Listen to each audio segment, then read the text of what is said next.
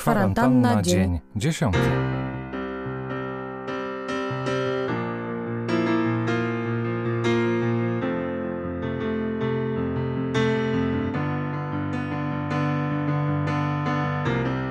No co? Nie nagrywaliśmy relacji przez kilka ostatnich dni, pewnie zauważyliście. A nie nagrywaliśmy, bo zupełnie niespodziewanie na świecie pojawił się nasz syn. Ale od początku.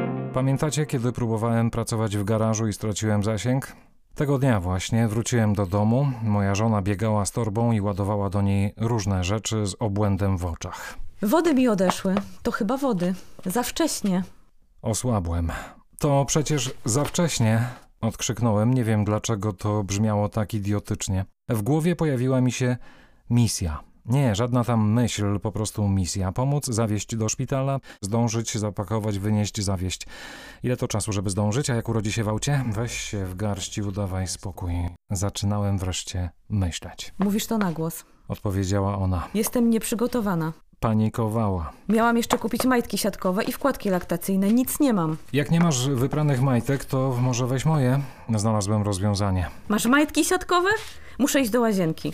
Rzucała niepowiązane ze sobą zdania. Poczekaj, poczekaj, stań na moment w miejscu, zatrzymaj się, oddychaj, powiedziałem i przytrzymałem ją za ramiona, starając się być przy tym najbardziej spokojnym facetem na świecie.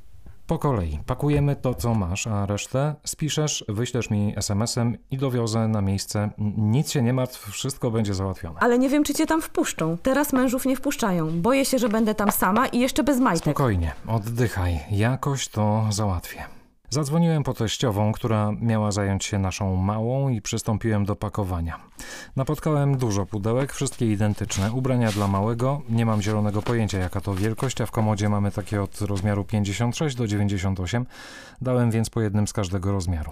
Pomyślałem o ręczniku i klapkach. Dopytałem co jeszcze, ale części nie zrozumiałem. Resztę dowiozę. Pomyślałem i kiedy tylko żona wyszła z łazienki, pokazałem jej spakowaną torbę i z niejaką dumą obwieściłem, że jest gotowa do wyjścia. W tym czasie przyjechała teściowa, która kazała nam natychmiast wychodzić, bo to zagrożenie życia, jak się wyraziła w ramach pocieszenia i dodania otuchy kobiecie, która właśnie rodzi. Wyszliśmy zatem w niezbyt radosnych nastrojach. W drodze telefon do położnika, który akurat wyszedł z dyżuru, ale obwieścił nam ze stoickim spokojem, że przecież zostali inni i oni powinni to ogarnąć. Co również nie dawało pewności sukcesu, ale on dodał ze stoickim spokojem. No teraz to już musi pani urodzić. Z tym polemizować się nie dało. Po przejechaniu bramy, przy której zmierzono nam temperaturę, nie mogłem dalej towarzyszyć żonie. Wiedziałem, że wiele tracę. Kilka godzin później dostałem MMS, a w nim zdjęcie syna. I wszystko to przestało mieć znaczenie.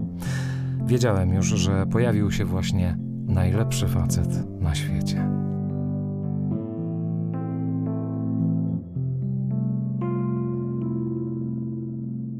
Kiedy rozpoczął się poród, nie mogłam uwierzyć, że to już. Zdecydowanie za wcześnie. Nie będę o tym opowiadać, bo opowieści o porodach uważam za dość niesmaczne, a do tego zbyt osobiste. Zresztą to już i tak nieistotne. Ważne jest to, że on już jest z nami. Jest przystojny i mądry. Widzę to po jego spojrzeniu. Jak jest w szpitalu w czasie epidemii? Na pewno czyściej niż zwykle. Słyszałam od personelu komentarze typu: Dobrze, że jest zaraza, bo przynajmniej sprzątają i tym podobne.